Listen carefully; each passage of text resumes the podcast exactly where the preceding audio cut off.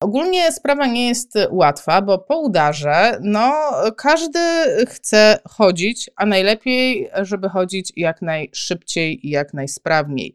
I mam tutaj na myśli fazę wczesną, y, gdzie my bardzo często się spotykamy z takimi sytuacjami, że ktoś może chodzi za szybko, w sensie za szybko wstaje, za szybko dąży do tego chodu i my tak staramy się no jednak spowolnić, tylko zaczekaj, zaczekaj, wytrenuj tam, nie wiem, stabilność, wytrenuj tu, zrób to troszkę inaczej. I, I to jest takie wyzwanie, dlatego że prawda jest taka, że w fazie wczesnej naprawdę wszystko zależy od wielu czynników i to nie jest tak, że każdy pacjent będzie wyglądał do, y, dokładnie tak tak samo, bo różne pacjenci mają predyspozycje do zdrowienia po udarze i długo by o tym mówić, cały webinar na, tym, na ten temat też nakręciłam.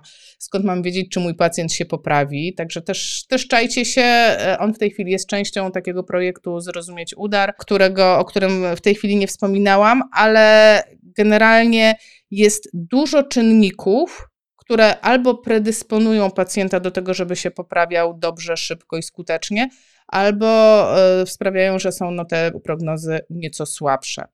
Z drugiej strony mamy też pacjentów, którzy mają różnego rodzaju obciążenia, które również mogą wpływać na to, czy ten pacjent będzie szybciej chodził, czy wolniej będzie chodził.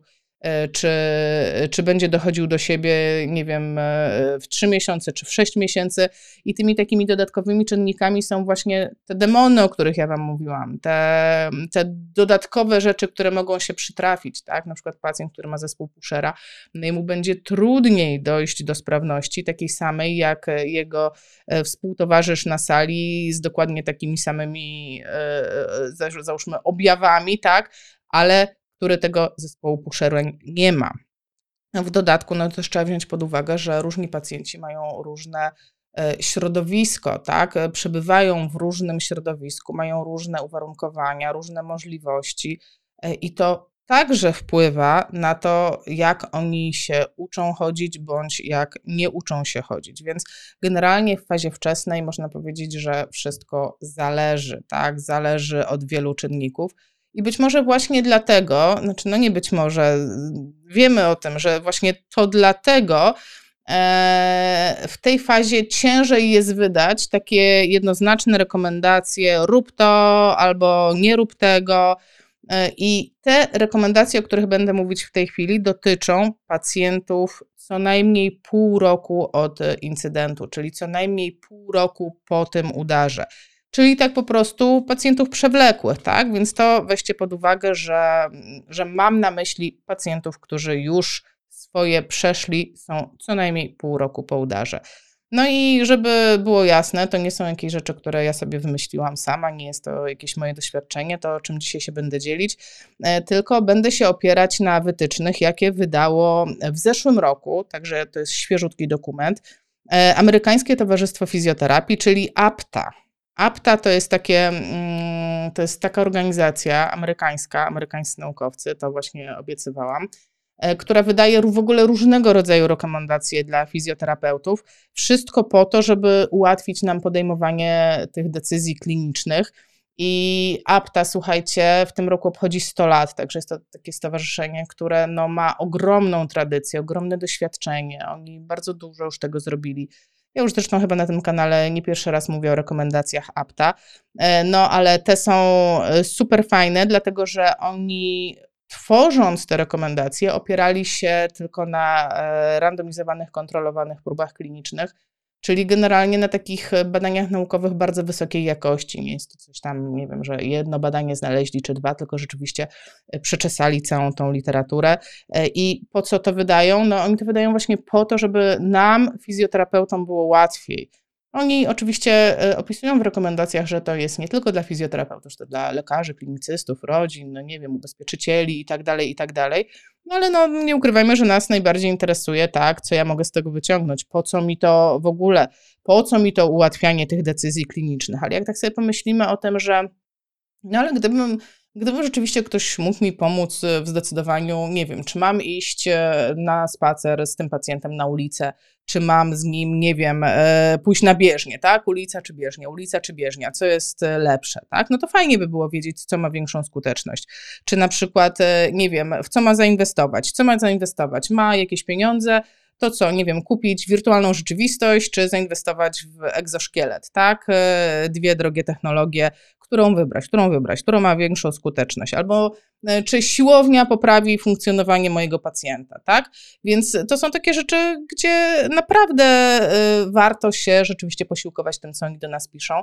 I można tak sobie pomyśleć, kurczę, no jak oni nam tak, mm, jak oni nam tak e, powiedzą wszystko, tak jakby, no to rób, tego nie rób, to dla ciebie, a to nie dla ciebie, można sobie pomyśleć, że z, jakby z pewnego punktu widzenia zabiera nam to wolność, bo, no bo co, to znaczy, że już nie wolno mi robić innych rzeczy? No otóż, otóż właśnie nie. No właśnie nie. To nie o to chodzi, żeby nas zabrać, żeby nam zabrać wolność, tylko chodzi o to, że dają nam pewne wskazówki, które są tylko wskazówkami, a nie są nakazami. I oni to podkreślają e, w samym dokumencie, że E, to są wskazówki, nie są to nakazy, a tym bardziej nie są to nakazy prawne. E, już Wam wrzucę w ogóle, co to za wytyczne, bo opowiadam o wytycznych, a nie mówię, co to są e, za wytyczne. Można sobie zrobić teraz screena z ekranu, no i nadaję na Instagramie i to jest ten moment, kiedy nie mogę Wam wrzucić tego, bo nie mam takiej technologii, gdzie mogłabym taki obrazek Wam tutaj załączyć będziecie musieli po prostu zajrzeć na Facebooka i na tym Facebooku sobie to sczytać. Można sobie zrobić screena. E, I co oni tam jeszcze piszą? Piszą po pierwsze, że to nie są, to są wskazówki, a nie nakazy i korzystanie z tych wskazówek no nie jest tak, że zagwarantuje nam sukces u pacjenta. No niestety tak to nie działa. Co więcej, e, nie są, to, e, nie są tutaj ujęte wszystkie możliwe metody pracy. Oni sobie wybrali kilka, osiem interwencji, także musimy to wziąć pod uwagę i generalnie, jeżeli w ogóle podejmujemy jakieś decyzje kliniczne, czyli podejmujemy tą decyzję, co ja mam z tym pacjentem robić, no to ten proces jest troszeczkę bardziej złożony niż tylko zajrzenie w badania naukowe. To działa, a to nie działa, a to słabo działa, a to dobrze działa. To jest więcej. Bo podejmując decyzję kliniczną, no to po pierwsze ja muszę ocenić tego mojego pacjenta, ja muszę wiedzieć, e, kto to jest, z czym on do mnie przyszedł, jakie on ma przekonania, jakie on ma oczekiwania, jakie on ma doświadczenia, e, co się z nim działo wcześniej. No, generalnie muszę, e, no, pacjent jest niesamowicie ważną częścią całego procesu. Ja wiem, że to jest oczywistość, no ale trzeba to powiedzieć. Z drugiej strony mam jakąś, jakiś wachlarz dostępnych opcji i to jest druga rzecz, którą biorę pod uwagę, czyli co ja w ogóle mogę z tym pacjentem zrobić, co ja mam dostępnego, gdzie ja w ogóle mogę pójść. No i trzecia rzecz, którą biorę pod uwagę, no jakie jest moje doświadczenie, co ja potrafię, co ja preferuję, jakie są, jakie są moje e, doświadczenia wcześniejsze z tego rodzaju pacjentami, czy z tego rodzaju interwencjami. I dlatego właśnie takie wytyczne traktujemy, no powiedzmy, jak taki drogowskaz, no ale wciąż kierowcą tego autobusu o nazwie rehabilitacja, no zakładam, że jesteśmy my. E, to też jest taki długi temat, e, no bo my, no ale w asyście pacjenta, tak, e, czyli tutaj dotykamy takiego, um, takiego problemu jak podejmowanie decyzji klinicznych. Też szeroki temat. Więc moi drodzy, wchodząc już gładko w to, co w tym badaniu było opisane, są takie pewne globalne, duże rzeczy, które wiemy. I pierwszą taką rzeczą jest to, że ja nazywam, ja to mówię tak hasłowo, że orto to nie neuro. Mam nawet taki wykład, zresztą on chyba jest częścią, tak, ten wykład jest, e, jest częścią tego e, pakietu spastyczności, o którym Wam opowiadałam. E, dlaczego orto to nie neuro? Jest taki wykład. E, a oni to napisali oczywiście mm, dużo ładniej. E, chodzi o to, że metody działające w ortopedii nie działają w neurologii. Ja nawet sobie przygotowałam, żeby wam przeczytać, jak oni to ładnie napisali. Dostępne dane wskazują, że wzorce praktyki klinicznej mające na celu poprawę funkcji chodu w wyżej wymienionych populacjach pacjentów nie są zgodne z ustaleniami parametrami treningowymi stosowanymi u osób bez uszkodzeń neurologicznych w celu poprawy sprawności motorycznej i funkcjonowania. Zdanie koszmar i właśnie dlatego, właśnie dlatego robię te live'y, tak? Bo e, dużo łatwiej zrozumieć i dużo łatwiej przekazać, kiedy się mówi hej, w neurologii nie działa to samo, co w ortopedii. I to jest coś, co trzeba zaakceptować i wydaje mi się, że to jest takie dosyć istotne, jeżeli chcemy mieć rzeczywiście dobre wyniki z pacjentami neurologicznymi. No i teraz, co byśmy chcieli od tych pacjentów neurologicznych? Jaki jest taki cel terapii? Generalnie yy, tak ja podzieliłam sobie te cele na dwa rodzaje celów. Jedne to będą cele jakościowe, a drugie to cele ilościowe. Czyli z jednej strony chciałabym, żeby ten pacjent może poruszał się ładniej, lepiej, płynniej i tak dalej, czyli cele jakościowe. E, trudno mierzalne, ale jednak. A drugi rodzaj celów to cele ilościowe, czyli żeby szedł szybciej, nie wiem, e, żeby to było mierzalne, w cyferkach zapisywalne. I w tym badaniu, o którym Wam mówię, w tych rekomendacjach amerykańskich, wszystko opiera się na danych ilościowych, czyli innymi słowy, szukamy odpowiedzi, co sprawi, że mój pacjent pójdzie szybciej. Co sprawi, że mój pacjent pójdzie szybciej w kontekście mam jakiś dystans i on pokonał ten dystans w jakimś czasie, chciała, żeby ten czas był krótszy, albo mam jakiś czas i patrzę, jak dużo dystansu ten e, pacjent pokonał w tym czasie, nie wiem, na przykład 6-minutowy e, test chodu, prawda? I dlaczego akurat tak bardzo nas interesuje ta szybkość? Dlaczego to jest takie ważne? No dlatego, że szybkość koreluje z bardzo wieloma ciekawymi rzeczami, jak siła, jak równowaga, jak ryzyko upadków, jak jakość życia, śmiertelność, yy, uczestniczenie. Wiecie, ta szybkość przekłada się na mnóstwo, mnóstwo rzeczy, które są ważne. I tu jest taka moja mała dygresja, e, taka no już fizjoterapeutyczna, że warto tę szybkość mierzyć, że warto w, jakiś, w jakikolwiek sposób, nawet wyznaczyć sobie odcinek, nie wiem, 10 metrów, jak przyjmujecie pacjenta i sprawdzić, jak w jakim czasie on te 10 metrów przejdzie. Dlatego, że to będzie nam potem dawało bardzo fajne e, narzędzie do mm, opisywania tego pacjenta, czy on się poprawia pod kątem tych wszystkich rzeczy, o których Wam powiedziałam, siła, równowaga, ryzyko upadków, jakość życia, śmiertelność i tak dalej.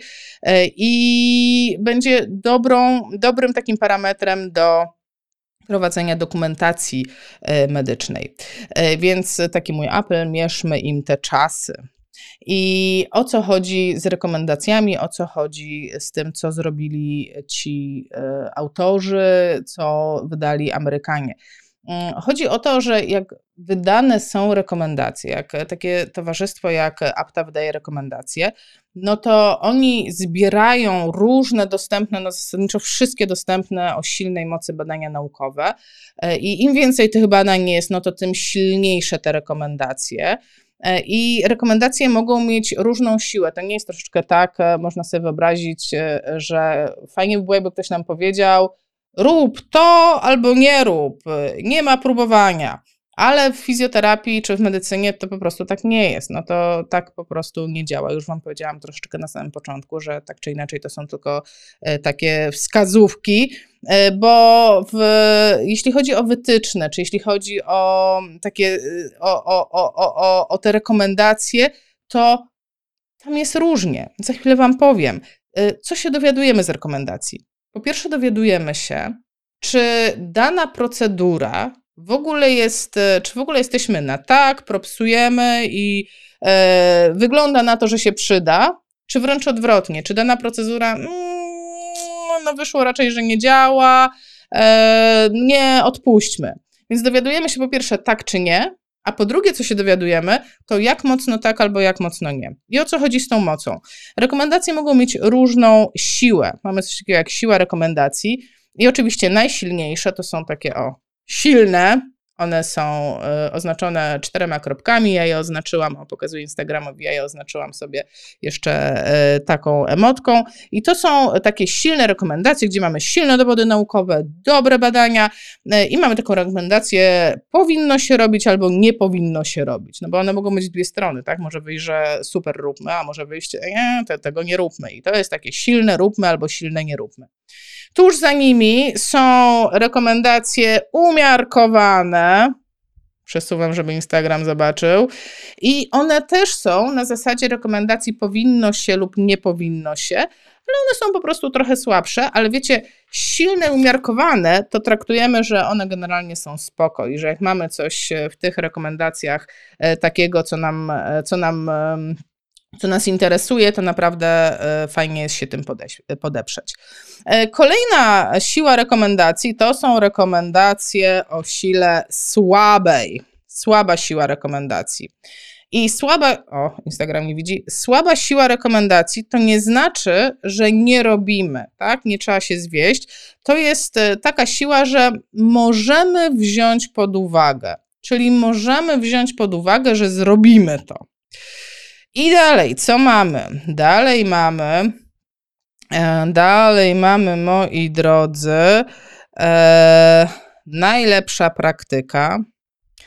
I to są takie rekomendacje, słuchajcie, e, oparte na badaniach podstawowych, na przykład ktoś coś zbadał na modelu zwierzęcym, albo e, ktoś coś zbadał na e, tkankach, po prostu na tkankach, albo na już sobie na konceptualnych, teoretycznych modelach, albo na przykład na badaniach laboratoryjnych E, albo na przykład ekspert się wypowiedział w jakimś e, renomowanym czasopiśmie, to to będą takie rekomendacje e, z najlepszej praktyki.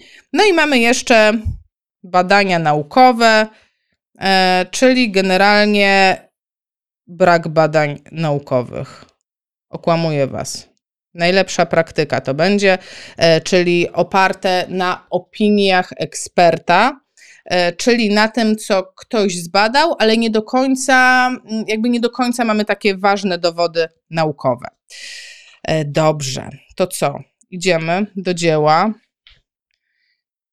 Konkret. Mamy już konkretne interwencje terapeutyczne, o których Wam teraz opowiem. To jest dokładnie to, co wydało APTA. Jesteście ciekawi? Danusia pyta, czy można będzie zobaczyć później. Można będzie. Agata życzy wszystkiego dobrego, bardzo dziękuję. O, Magda rozpisała 100 lat, super. Bardzo dziękuję, bardzo dziękuję Wam za wszystkie życzenia, jest super, super miłe. Dobrze, sprawdzam sobie, czy coś po drodze się pojawiło. I to jest ten moment, słuchajcie, w czasie live'u, gdzie będę Was prosiła o to, żebyście się włączyli, żebyście pisali o swoich doświadczeniach, żebyście dali mi znać, czy Wy się z tym zgadzacie, czy wy się z tym nie zgadzacie? Ja też postaram się skomentować każdą z tych interwencji. Mamy ich, słuchajcie, osiem, osiem interwencji, które mają na celu poprawić e, szybkość chodu u pacjentów po udarze. E, I zobaczymy, co o tym myślicie, jakie są wasze doświadczenia. Od razu wam zdradzę, że niektóre są dosyć zaskakujące. Interwencja numer jeden. Trening chodu o umiarkowanej do wysokiej intensywności. Czyli innymi słowy, po prostu zwykłe chodzenie. Czyli e, zabrać tego pacjenta i po prostu pójść z nim.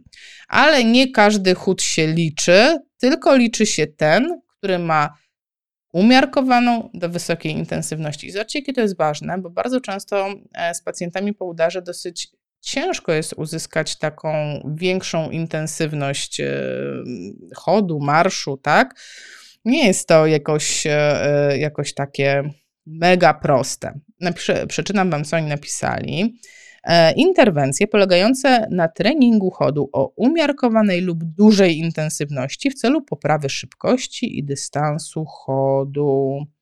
I te interwencje, uwaga, powinniśmy stosować Siła rekomendacji, proszę Państwa, silne. Silna rekomendacja, żeby chodzić. W sumie nie jest to zaskoczenie, jak tak sobie pomyśleć. No, każdy chodzi z pacjentami. Ale to, co myślę, warto tutaj podkreślić, to właśnie to, że to nie może być takie sobie chodzenie, tylko takie chodzenie, gdzie naprawdę ta osoba troszeczkę się zmęczy. To wtedy ma tą taką moc. Idziemy dalej. Trening chodu przy użyciu wirtualnej rzeczywistości, czyli wszystko, co będzie się działo w kontekście idę, mam te okulary VR, mam jakąś rzeczywistość wokół siebie i zmęczę się w tej wirtualnej rzeczywistości. I tam rekomendacje są robić, i są to rekomendacje silne. Czyli mamy taką dużą dozę pewności, że będzie to pomocne. Ale tutaj muszę Wam powiedzieć, bo ja wczytałam się w te badania e, troszeczkę, troszeczkę głębiej. E, akurat te badania, które były robione na VR, uwzględnione w tym, e, w tym dokumencie, Są to e, badania mm, wykonywane na sprzętach dostosowanych indywidualnie do potrzeb pacjenta, czyli każdy jeden pacjent on się poprawiał, ale on miał to, ten, ten sprzęt tak jakby dostosowany, zbudowany specjalnie pod siebie. No i teraz pytanie, ile my mamy dostępności tego sprzętu VR i czy mamy taką możliwość personalizacji tego sprzętu, bo to jest pewnym takim ograniczeniem w wykorzystaniu. A jestem bardzo ciekawa, czy w ogóle macie wirtualną rzeczywistość na oddziałach, czy macie, czy macie w ogóle dostęp do pracy z pacjentami z wirtualną rzeczywistością. Napiszcie mi to. Jestem bardzo ciekawa. E, obrażę się, jak się nikt do mnie nie odezwie. Będzie. Napiszcie mi o wirtualnej rzeczywistości. A ja przejdę powolutku dalej. Będę miała potem dla Was pytanie e, co do następnych e, interwencji, ale tutaj mamy następną interwencję pod kątem siły, czyli trening siłowy. Słuchajcie, trening siłowy i w sumie jest to bardzo dobre pytanie i wielokrotnie spotykam się z takim pytaniem, czy mojego pacjenta zabrać na siłownię czy ta siłownia będzie miała wartość, czy ona się przełoży na coś, tak? E, zawsze oczywiście najlepsza odpowiedź to jest to zależy na pytanie, co ty chcesz zrobić z tym pacjentem na tej siłowni, jakie są wasze cele terapeutyczne, e, co ten pacjent ma osiągnąć przez to, że będzie na siłowni i jak ma to osiągnąć, jakie on ma robić, e, jakie on ma robić te serie treningowe i tak dalej. I jeśli chodzi o cel terapeutyczny, jakim jest szybsze chodzenie, no to słuchajcie, wychodzi na to, że uwaga, mogą rozważyć. Czyli możemy rozważyć prowadzenie treningu siłowego w celu poprawy szybkości chodu i dystansu e, u tych pacjentów, i jest to siła rekomendacji słaba. Pamiętacie, jak Wam mówiłam, że słaba to jest taka, no w sumie, no jak już tam nic nie możesz wymyślić, no to spróbuj tej interwencji, to może będzie może ci się uda. Ewa pisze, że nie ma takiego sprzętu, ale bardzo by chciała. Ja też nigdy nie pracowałam na VR-ze. Nie wiem, czy wybieracie się na targi e, do Łodzi. Będą targi rehabilitacyjne teraz e, czwartek, piątek, sobota. Może uda się, może ktoś wystawia taki VR, to można by spróbować. Zobaczymy, zobaczymy. Ja bardzo lubię te łódzkie targi, więc, więc pewnie się wybierzemy. Okej, okay.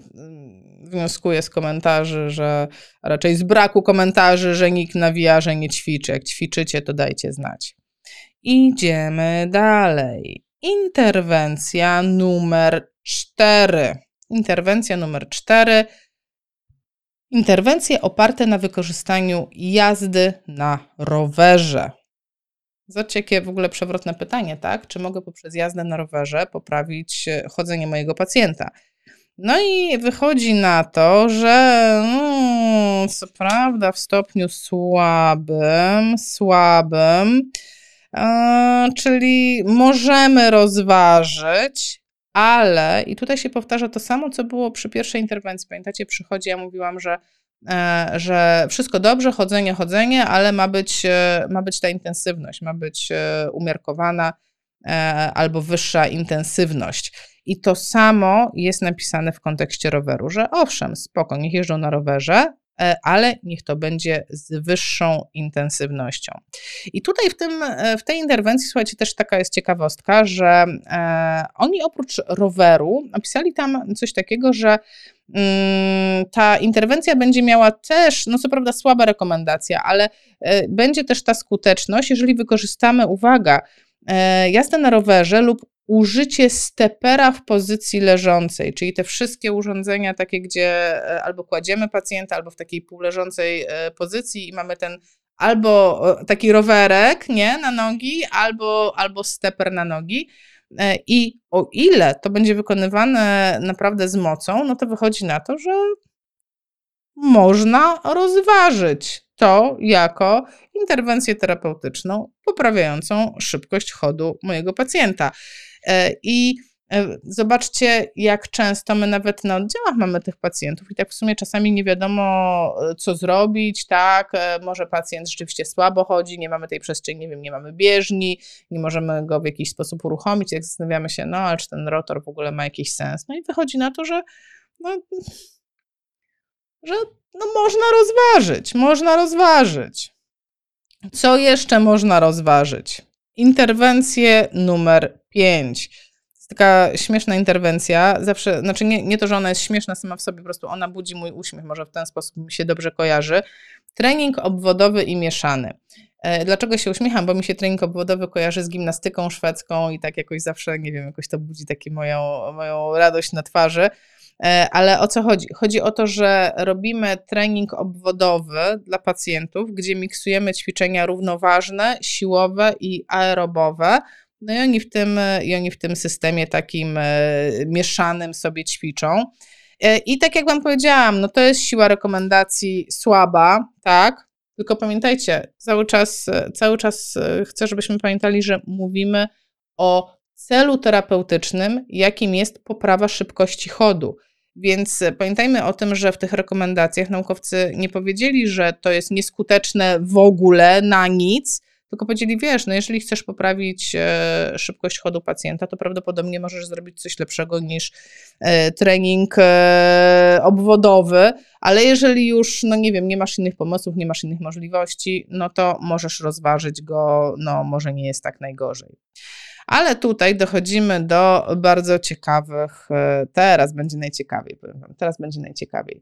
E, Konrad pisze, z rowerem miałem czasami pozytywne efekty, o ile pacjent kręcił z wysoką e, kadencją. Mniej więcej taką, z jaką miałby chodzić. No właśnie, wydaje mi się, że to dokładnie o to chodzi, o to przełożenie. Oni tutaj raczej e, też skupiają się na tym, że to ma być ten procent HR max, tak? Że to ma być jednak aerobowe, że ten pacjent ma się w jakiś sposób zmęczyć.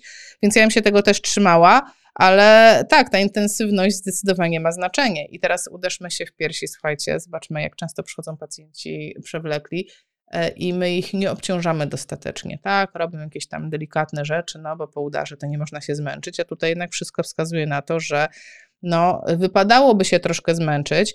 E, niemniej trzeba mieć świadomość, że przy tych interwencjach takich, gdzie wchodzimy w ten wyższy poziom e, wysiłku fizycznego, no jeżeli mamy jakiekolwiek wątpliwości co do tego pacjenta pod kątem kardiologicznym e, czy pod kątem oddechowym, no to musimy go zabezpieczyć, tak? Musimy go wcześniej zbadać, e, nie wiem, chociażby zmierzyć to ciśnienie, założyć mu pulsoksymetr, e, generalnie pochylić się nad tym, że być może to jest pacjent, który potrzebuje troszeczkę większej opieki, może trzeba się tego nauczyć, jeśli tego nie umiemy, ale definitywnie nie trzeba się tego bać, trzeba po prostu zastanowić się, co mój pacjent potrzebuje, żeby było bezpiecznie, a dzięki temu, że będzie bezpiecznie i jego wrzucę na większe obciążenie, to będzie bardziej skutecznie.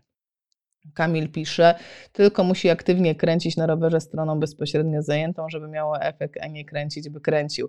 E, widzisz, tu jest hit. Ja bym powiedziała to samo, tak? I to jest moje doświadczenie kliniczne. Wolałabym, żeby kręcił bardziej tą zajętą, aczkolwiek oni tutaj tego nie wyróżniają. Nie, nie, ma, nie, nie ma takiego założenia. I to jest właśnie ten, to jest właśnie to piękno rekomendacji, że wiemy, że to działa, no, ale nikt nam nie mówi, jaka musi być tego jakaś super metodyka, i no, od tego jesteśmy my, żeby mieć własną opinię, tak? Więc tutaj będę.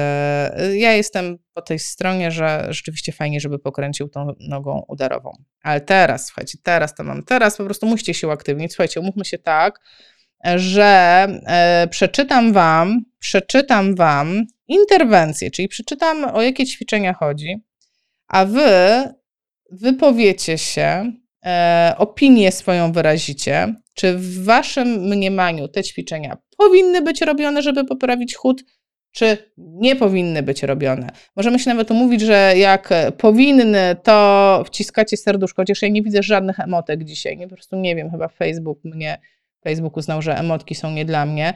E, jak e, uznacie, że OK, to wciskamy OK, a jak uznacie, że nie, ten pomysł jest do bani, to wciskacie trzymaj się, spadaj pomyśle, nie będziemy cię robić. OK? Uwaga. Pierwsza propozycja. Ćwiczenia równoważne w pozycji siedzącej, stojącej, ukierunkowane na poprawę stabilności posturalnej i symetrii oraz przenoszenie ciężaru ciała między kończynami w celu poprawy szybkości chodzenia. Podkreślam, w celu poprawy szybkości chodzenia. Czy ćwiczenia równoważne w staniu i siedzeniu, przenoszenie ciężaru ciała poprawi nam szybkość chodzenia? Jak myślicie, tak czy nie? Nie widzę żadnych, kurczę, żadnych ikonek nie widzę, więc e, może napiszcie mi tak albo nie, to będę to będę bardzo, bardzo e, lepiej wiedziała. A Instagram też mógłby mi, ale na Instagramie to tylko serduszko, to i tak nic się nie dowiem. Ale Jagoda, Jagoda daje okejkę, tak. Bartłomiej też daje okejkę. Mm, a Facebook, jak zawsze mam jakieś opóźnienie i nie wiem, jaką, czy dajecie okejkę, czy nie dajecie okejkę. Tak, tak, tak, dobrze, uf, dajecie okejkę. Hmm, dobra, ja zaraz rozwiążę to, bo będę miała trzy takie, trzy takie pytania i zaraz wam tutaj rozwiążę, ale widzę, że tak, że jesteście na tak, że równoważne, jedziemy z równoważnymi. Dobra, dobra, dalej.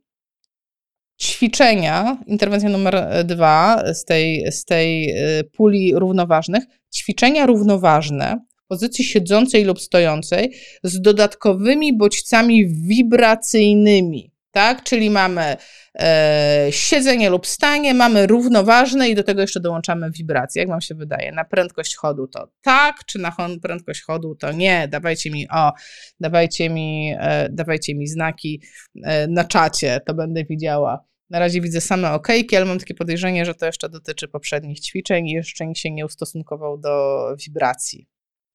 Okay? Ustosunkujcie się do wibracji. Co sądzicie na temat e, wibracji i ćwiczeń równoważnych? Bo generalnie nie oszukujmy się na wibracje. Lubimy, propsujemy wibracji w neurologii, tak? Nie, nie, nie boimy się e, wykorzystywać jej, ale czy do ćwiczeń równoważnych? Dobra. Oczywiście znowu mam opóźnienie, nic nie widzę. O, Agata napisała, że nie. E, zakładam, że to już chodzi o wibrację, że wibracja nie a na Instagramie, na Instagramie, na Instagramie na razie same okejki. Też tak. Piotr mówi też tak, Konrad dwa razy tak, dobra. I tutaj e, nie wiem, czy już Wam powiedzieć, czy za chwilę, za chwilę Wam powiem, potrzymam Was jeszcze w niepewności. E, I uwaga, trzecia interwencja. Statyczne i dynamiczne, ale nie związane z chodzeniem, strategie utrzymywania równowagi połączeniu z wirtualną rzeczywistością. Czyli mamy znowu ćwiczenia równoważne, mogą być statyczne, mogą być dynamiczne, ale nie w chodzie, ale tym razem dokładamy do tego jeszcze okulary i wirtualną rzeczywistość. Czy to nam się przełoży na chód? E, Anna pisze wibracja tak, bo napięcie powinno się lepiej regulować. Czad. Po prostu uwielbiam to. Dobra, czyli mamy trzy interwencje. Interwencja numer. Wszystkie są równoważne, tak? Wszystkie są równoważne. Interwencja numer jeden, takie normalne, równoważne, tak po prostu. Interwencja numer dwa, równoważne plus e, wibracja. Interwencja numer trzy, równoważne plus VR. I teraz, słuchajcie, smuteczek. Smuteczek, smuteczek, bo mamy rekomendacje w stopniu silne, silne, słuchajcie, one są silne. I tak, równoważne, nieskuteczne, nie robić. Rekomendacja nie robić, nie powinni prowadzić ćwiczeń fizjoterapeuci.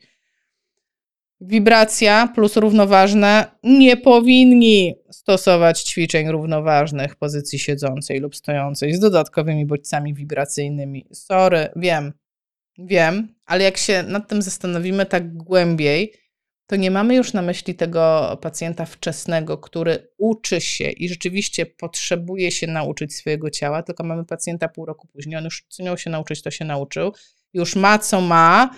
E, I w tym momencie, jeżeli chcę mu poprawić szybkość chodu, no to to jest troszeczkę tak jak z nauką gry w tenisa. E, ja nie nauczę się grać w tenisa, jeżeli nie będę miała w ręku rakiety i nie zagram, tak? Nie nauczę się tego, e, nie wiem, najlepszym napięciem, nawet odwzorowującym grę w tenisa, tak? Więc tutaj, no niestety, przykro mi. No, no, Kinga e, tak wysłała emotkę. No, dokładnie. No a co z tym VR-em? A jeśli chodzi o VR, można rozważyć. Rekomen siła rekomendacji, podkreślam, silne. Można rozważyć stosowanie VR-u yy, i ćwiczeń równoważnych. Jeszcze jak cię mogę, jak cię mogę. Niezły numer, co? Dlatego zrobiłam taki wstęp, że e, słuchajcie, i tak bardzo dużo zależy od nas, ale jeżeli już mam w głowie coś takiego, że tak co do zasadu przewlekłych to nie jest skuteczne, no i będę miała wybór, to chodzić z tym pacjentem, czy kołysać się z tym pacjentem, no to być może lepiej po prostu zacząć z, chodzić, z nim chodzić. Chociaż znowu tutaj burzy się moje doświadczenie kliniczne, no bo znowu jak go nie nauczę przenosić ciężaru ciała i nie nauczę go obciążać nogi, no to on mi też nie pójdzie dobrze, więc yy, zobaczcie, jakie emotion. E, następna interwencja. Następna interwencja też myślę, że będzie zaskakująca. Eee, Mariusz pisze, no ale to wszystko właśnie zależy od poziomu sprawności pacjenta. Dokładnie, dokładnie, tak, dokładnie tak. Tak. E, idziemy dalej. Interwencja numer 7. Trening na bieżni z odciążeniem masy ciała, czyli te wszystkie treningi, gdzie mamy taką jakąś, e, no nie wiem, konstrukcję, bramę czy podwieszenie, linki z sufitu i podpinamy pacjenta na te linki, zabieramy mu trochę ciężaru ciała i on tam sobie na tej bieżni szuruburu maszeruje. E, I aż się boję Was zapytać, już nie będę Was dręczyć o te głosowania, ale powiem Wam, że. nie powinni stosować, nie powinniśmy stosować, yy, może nie my nie powinniśmy, klinicyści nie powinni wykonywać treningu na bieżni ruchomej z odciążeniem masy ciała. Siła rekomendacji silne. Ja wiecie, dużo o tym myślałam, bo ja dużo z pacjentami pracowałam właśnie na bieżni w takim podwieszeniu, ale jak to przemyślałam, to y, za każdym razem, kiedy stosowałam podwieszenie, to ono, jego celem nie było zabranie masy ciała pacjentowi, tylko zabezpieczenie pacjenta na wypadek, gdyby miał się przewrócić w trakcie tego treningu. A po co go zabezpieczałam? Bo chciałam podkręcić prędkość. Więc zobaczcie, jakie to wszystko jest. To nie jest tak, że ojej, to teraz już nie podwieszę tego pacjenta, nie powieszę go, nawet jak mam sprzęt, bo tutaj apta napisała, że to jest nieskuteczne.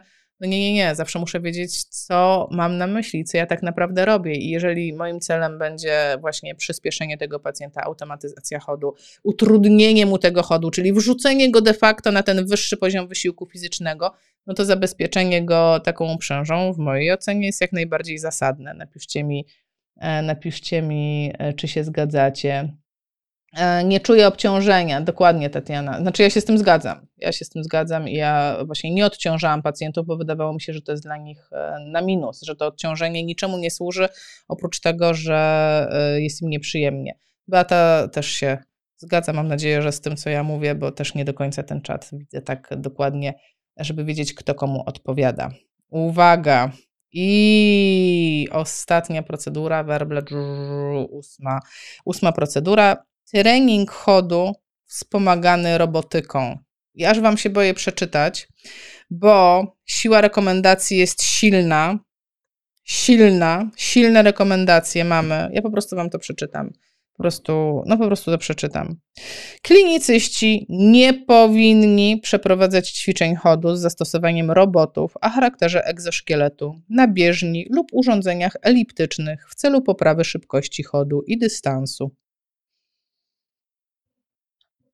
No i, no i to jest coś trudnego do przełknięcia w dobie, w której no jednak ta robotyka się bardzo silnie rozwija. Ja zrobiłam cały y, materiał, on zresztą jest na YouTubie, możecie sobie obejrzeć, o egzoszkieletach.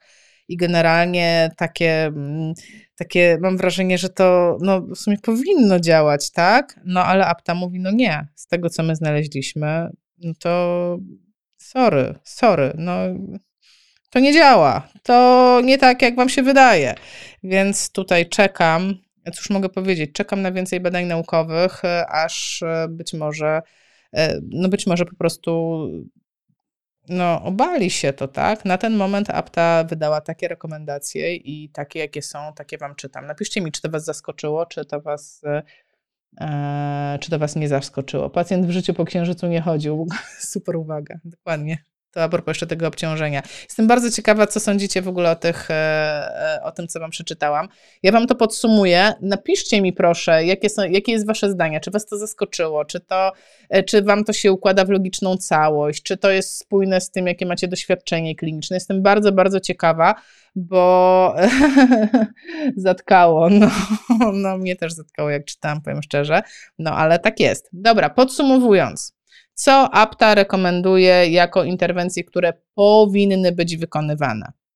Trening aerobowy o umiarkowanej do wysokiej intensywności, czyli chodzenie. I o co chodzi z tym chodzeniem? Że to ma być chodzenie takie, żeby pacjent osiągnął 70% HR max. Żeby ociągnął 70% HR max, musimy wiedzieć, jakie jest jego HR max, żeby to wyliczyć, musimy to mierzyć, więc tutaj taka po prostu dygresja po raz drugi. Co jeszcze powinniśmy robić? Trening na bieżni sprzężonej z VR. Więc jak macie te systemy VR, to trzeba je odkurzyć jutro i może zapakować na to pacjentów. Kolejna rzecz. Interwencje, które można rozważyć ogólnie. Co mamy do rozważenia? Trening siłowy obejmujący wielokrotne serie i powtórzenia przy obciążeniu powyżej 70% e, jednego e, powtórzenia 1RM, e, czyli jedno powtórzenie maksymalne. To jest spore obciążenie. Więc to też jest istotne, że nie to, że idziemy na siłownię z pacjentem, jak chcemy mieć jakąś skuteczność, tylko i dajemy mu, nie wiem, hantelek 3 kilo i on tam z tym hantelkiem coś robi, tylko to ma być solidne obciążenie, powyżej 70% jednego RM. Co mamy do rozważenia jeszcze? Trening obwodowy lub trening mieszany, to o czym mówiłam, tam pamiętacie była równowaga, siła i aeroby. Trening na rowerze, ale znowu ta wyższa intensywność, czyli znowu musimy go zbadać, musimy wiedzieć, jaki jest jego maks, żeby go dobrze obciążyć. No i trening równowagi w pozycji stojącej z użyciem VR, z użyciem wirtualnej rzeczywistości. To są rzeczy do rozważenia.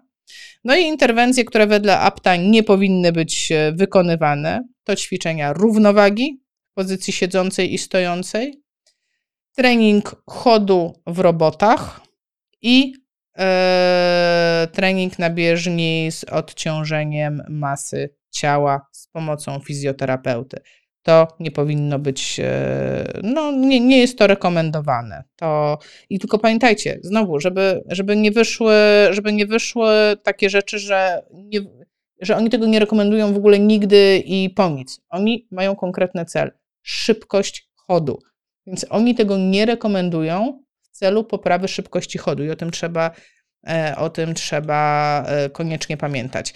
E, jeżeli podobają Wam się takie, takie właśnie rekomendacje, takie ciekawostki ze świata nauki, to chciałam Wam pokazać taką, taki projekt, który mm, chodzi tu projekcie, który jest organizowany przez AWF Biała Podlaska. To się nazywa ProEBP i ja Wam zaraz wrzucę linka, bo bardzo długi jest adres proebp, awf, bp.edu.pl, bardzo długi adres, ale generalnie ten projekt polega na tym, żeby mm, dawać jak najwięcej treści, takiej jaką ja w tej chwili Wam przekazałam, w języku polskim, e, przełożonych na realia polskie, po to, żeby wszystkim nam się łatwiej pracowało z pacjentami. Więc zachęcam Was do odwiedzenia tej strony. E, już Wam mówię, co to jest za strona. Ona, o, tak wygląda. Trzeba sobie znowu screena zrobić i sobie spisać, bo na live ciężko jest wstawić linka. E, I już czytam komentarze, kto był zaskoczony, kto nie był zaskoczony. No i Klops, Anna pisze, dlaczego może jak potrzebuje egzo, to nie rokuje na poprawę samodzielnego chodu. No, Długi czas obsługiwałem lokomat. Efekty były bardzo dobre, tym bardziej jestem zaskoczony. No właśnie, i to, i to jest e, to, co słyszę od osób, które pracują z egzoszkieletami. E, I to jest troszeczkę takie moje wrażenie, jakie miałam, jak sama się zapakowałam w ten egzoszkielet. To, no, to było dobre, to było fajne. Ja w dobrym egzoszkielecie chodziłam, w takim, który potrafił przenosić e, ciężar ciała, zostawić ten ciężar ciała po jednej stronie, wydłużyć mi fazę chodu. No tak mi się wydaje, że naprawdę to jest dobre, więc też jestem zaskoczona. Ale jak, jeżeli znajdziecie czas, to zachęcam Was, żeby wrócić do tego live'a, który robiłam w ogóle o egzoszkieletach. E, I tam znajdziecie taką informację, że egzoszkieletów są różne rodzaje. I e, jak ja pierwszy raz w życiu się zapakowałam do egzoszkieletu, do jakiegoś, nie wiem, francuskiego modelu, to miałam fatalne wrażenie. Po prostu on był tragiczny. Nie podobało mi się, byłam na nie, powiedziałam nigdy w życiu egzoszkieletów. I dopiero jak e, właśnie weszłam w taki dobry, no to e, wszystko się tak ułożyło. Rzeczywiście ma to wartość dla pacjentów, przynajmniej w moim odczuciu. I tak sobie myślę, no trzeba by się teraz wgłębić, na których e, urządzeniach były te badania robione, bo tutaj są w jednym worku i te eliptyczne, czyli te takie lokomaty kroczące, tak, te bramy, i egzoszkielety, więc tutaj myślę, że myślę, że szczegóły będą tutaj naprawdę robiły różnicę. Mm, Monika pisze, że zaskoczona jest, tak, zasmuciło, bo nagle nowe możliwości nie mają sensu. Pisają o egzoszkielecie. No myślę, że właśnie, że e, właśnie ja, bym, ja bym tego, nie wylewałabym dziecka z kąpielą, dlatego że naprawdę egzoszkielet nierówny egzoszkieletowi. Naprawdę. Chodziłam w takim, który po prostu e, mnie osobie zdrowej wywołał spastyczność i przerażenie, a chodziłam w takim, który po prostu płynął i co chciałam, to, to było to było e, uzyskiwane. E, Mariusz pisze, firmy nie będą zadowolone. No te, które produkują kiepskie egzoszkielety na pewno nie i to może nawet i dobrze, ale ja wierzę w to, że ci, którzy produkują dobre sprzęty i mają efekt na tych sprzętach i badają te sprzęty, no to po prostu opublikują te badania i będziemy mieć nowe badania, tak? To, co jest dzisiejszą prawdą, jest jutrzejszym kłamstwem, także trzeba to śledzić. Właśnie dlatego Was zachęcam do tego, żeby śledzić ten projekt ProEBP, no bo tam mamy na bieżąco Egzoszkielet, lokomat, zaliczone kilka razy bez efektu. I teraz właśnie dostałam odpowiedź, że miało tak być. A, Ewa, no proszę, kolejna opinia. Grzegorz pisze, ale może egzoszkielet nie poprawi szybkości w danym momencie, ale poprawi jakość, a za jakiś czas przyjdzie i ta szybkość. No, liczymy na to. E, Justyna pisze, zaskoczyły mnie w szczególności te interwencje związane z ćwiczeniami równoważnymi, ale jednocześnie jestem ciekawa, jak te interwencje wpłyną na jakość, a nie na ilość chodu. Justyna w punkt. E, ja tutaj jestem całym sercem przy tobie i zawsze mam takie poczucie, że powinniśmy pacjentowi dać wybór, czyli możemy pracować właśnie nad tą jakością, ale będzie to trwało dłużej, będzie bardziej żmudne, będzie więcej wymagało od ciebie, to, to po prostu to potrwa, a możemy pracować nad taką typową funkcją, nad typową aktywnością, e, czyli będziesz to robił być może nie idealnie, ale będziesz to robił szybciej, będziesz to robił lepiej e, i, i, i poprawią ci się wyniki. Także jak najbardziej jestem tutaj, jestem tutaj sercem z Justyną. Anna, szybkość samodzielnego chodu, dokładnie. Więc, e, no więc tak, słuchajcie, emocjonujące, nie? Dla mnie też to było bardzo emocjonujące. E, niedługo będziecie mogli te rekomendacje przeczytać e, po polsku, będziecie mogli sobie je ściągnąć, szczegół, znaczy zachęcam Was do tego, po prostu śledźcie to ProEBP, e, będzie się pokazywało, to nie jest pierwszy raz, kiedy będzie tutaj na kanale e, mowa o tym projekcie, będziemy jeszcze o tym wspominać. E, nie tylko te rekomendacje będą się ukazywały po polsku, ale inne również, także naprawdę dzieje się, dzieje się. Tymczasem przypominam Wam, przypominam, tak już zataczając pętlę w tym, co mówiłam, przypominam Wam, Dzisiaj do 24.00 do północy jeszcze możecie kupić webinary, w których mówię o chodzie. Polecam Wam, jak już mówimy, cały, cały, e, całe nasze spotkanie jest poświęcone chodowi, to polecam Wam webinar na temat chodu. Wszystkie webinary są ze zniżką 43%, a jak Wam się spodobają w ogóle wszystkie, to za cały pakiet płacicie 71% mniej, więc e, naprawdę jest. E, no taka okazja to tylko raz w roku, więc już więcej się nie powtarzam. Nie chciałabym, żeby ktokolwiek przegapił. Jeżeli uważacie, o, Instagram zakończył relację, to znaczy, że minęła godzina. E, I no cóż, tak, podłączyłam się wcześniej do Instagrama i taki, taki, taki, takie było tam backstage'owo troszeczkę. A Was jeszcze raz Zachęcam, odwiedzajcie sklep. Myślę, że tutaj e, gdzieś pojawił się zapewne link, e, jak znam Marcina, gdzieś go wstawił. A jak nie wstawił, to ja Wam zaraz wstawię. Zresztą tymi linkami zasypałam wszystko. O, jest link do promocji e, webinarowej, także zachęcam, odwiedzajcie, kupujcie, a jak Wam się podobał live, to udostępnijcie go dalej, bo no myślę, że jest zaskakujący i liczę na to, że będzie jeszcze więcej dyskusji w komentarzach, jak jeszcze więcej osób obejrzy. Tymczasem wszystkiego dobrego, śpijcie dobrze, a ja powoli kończę dwudniowe urodziny. Cześć.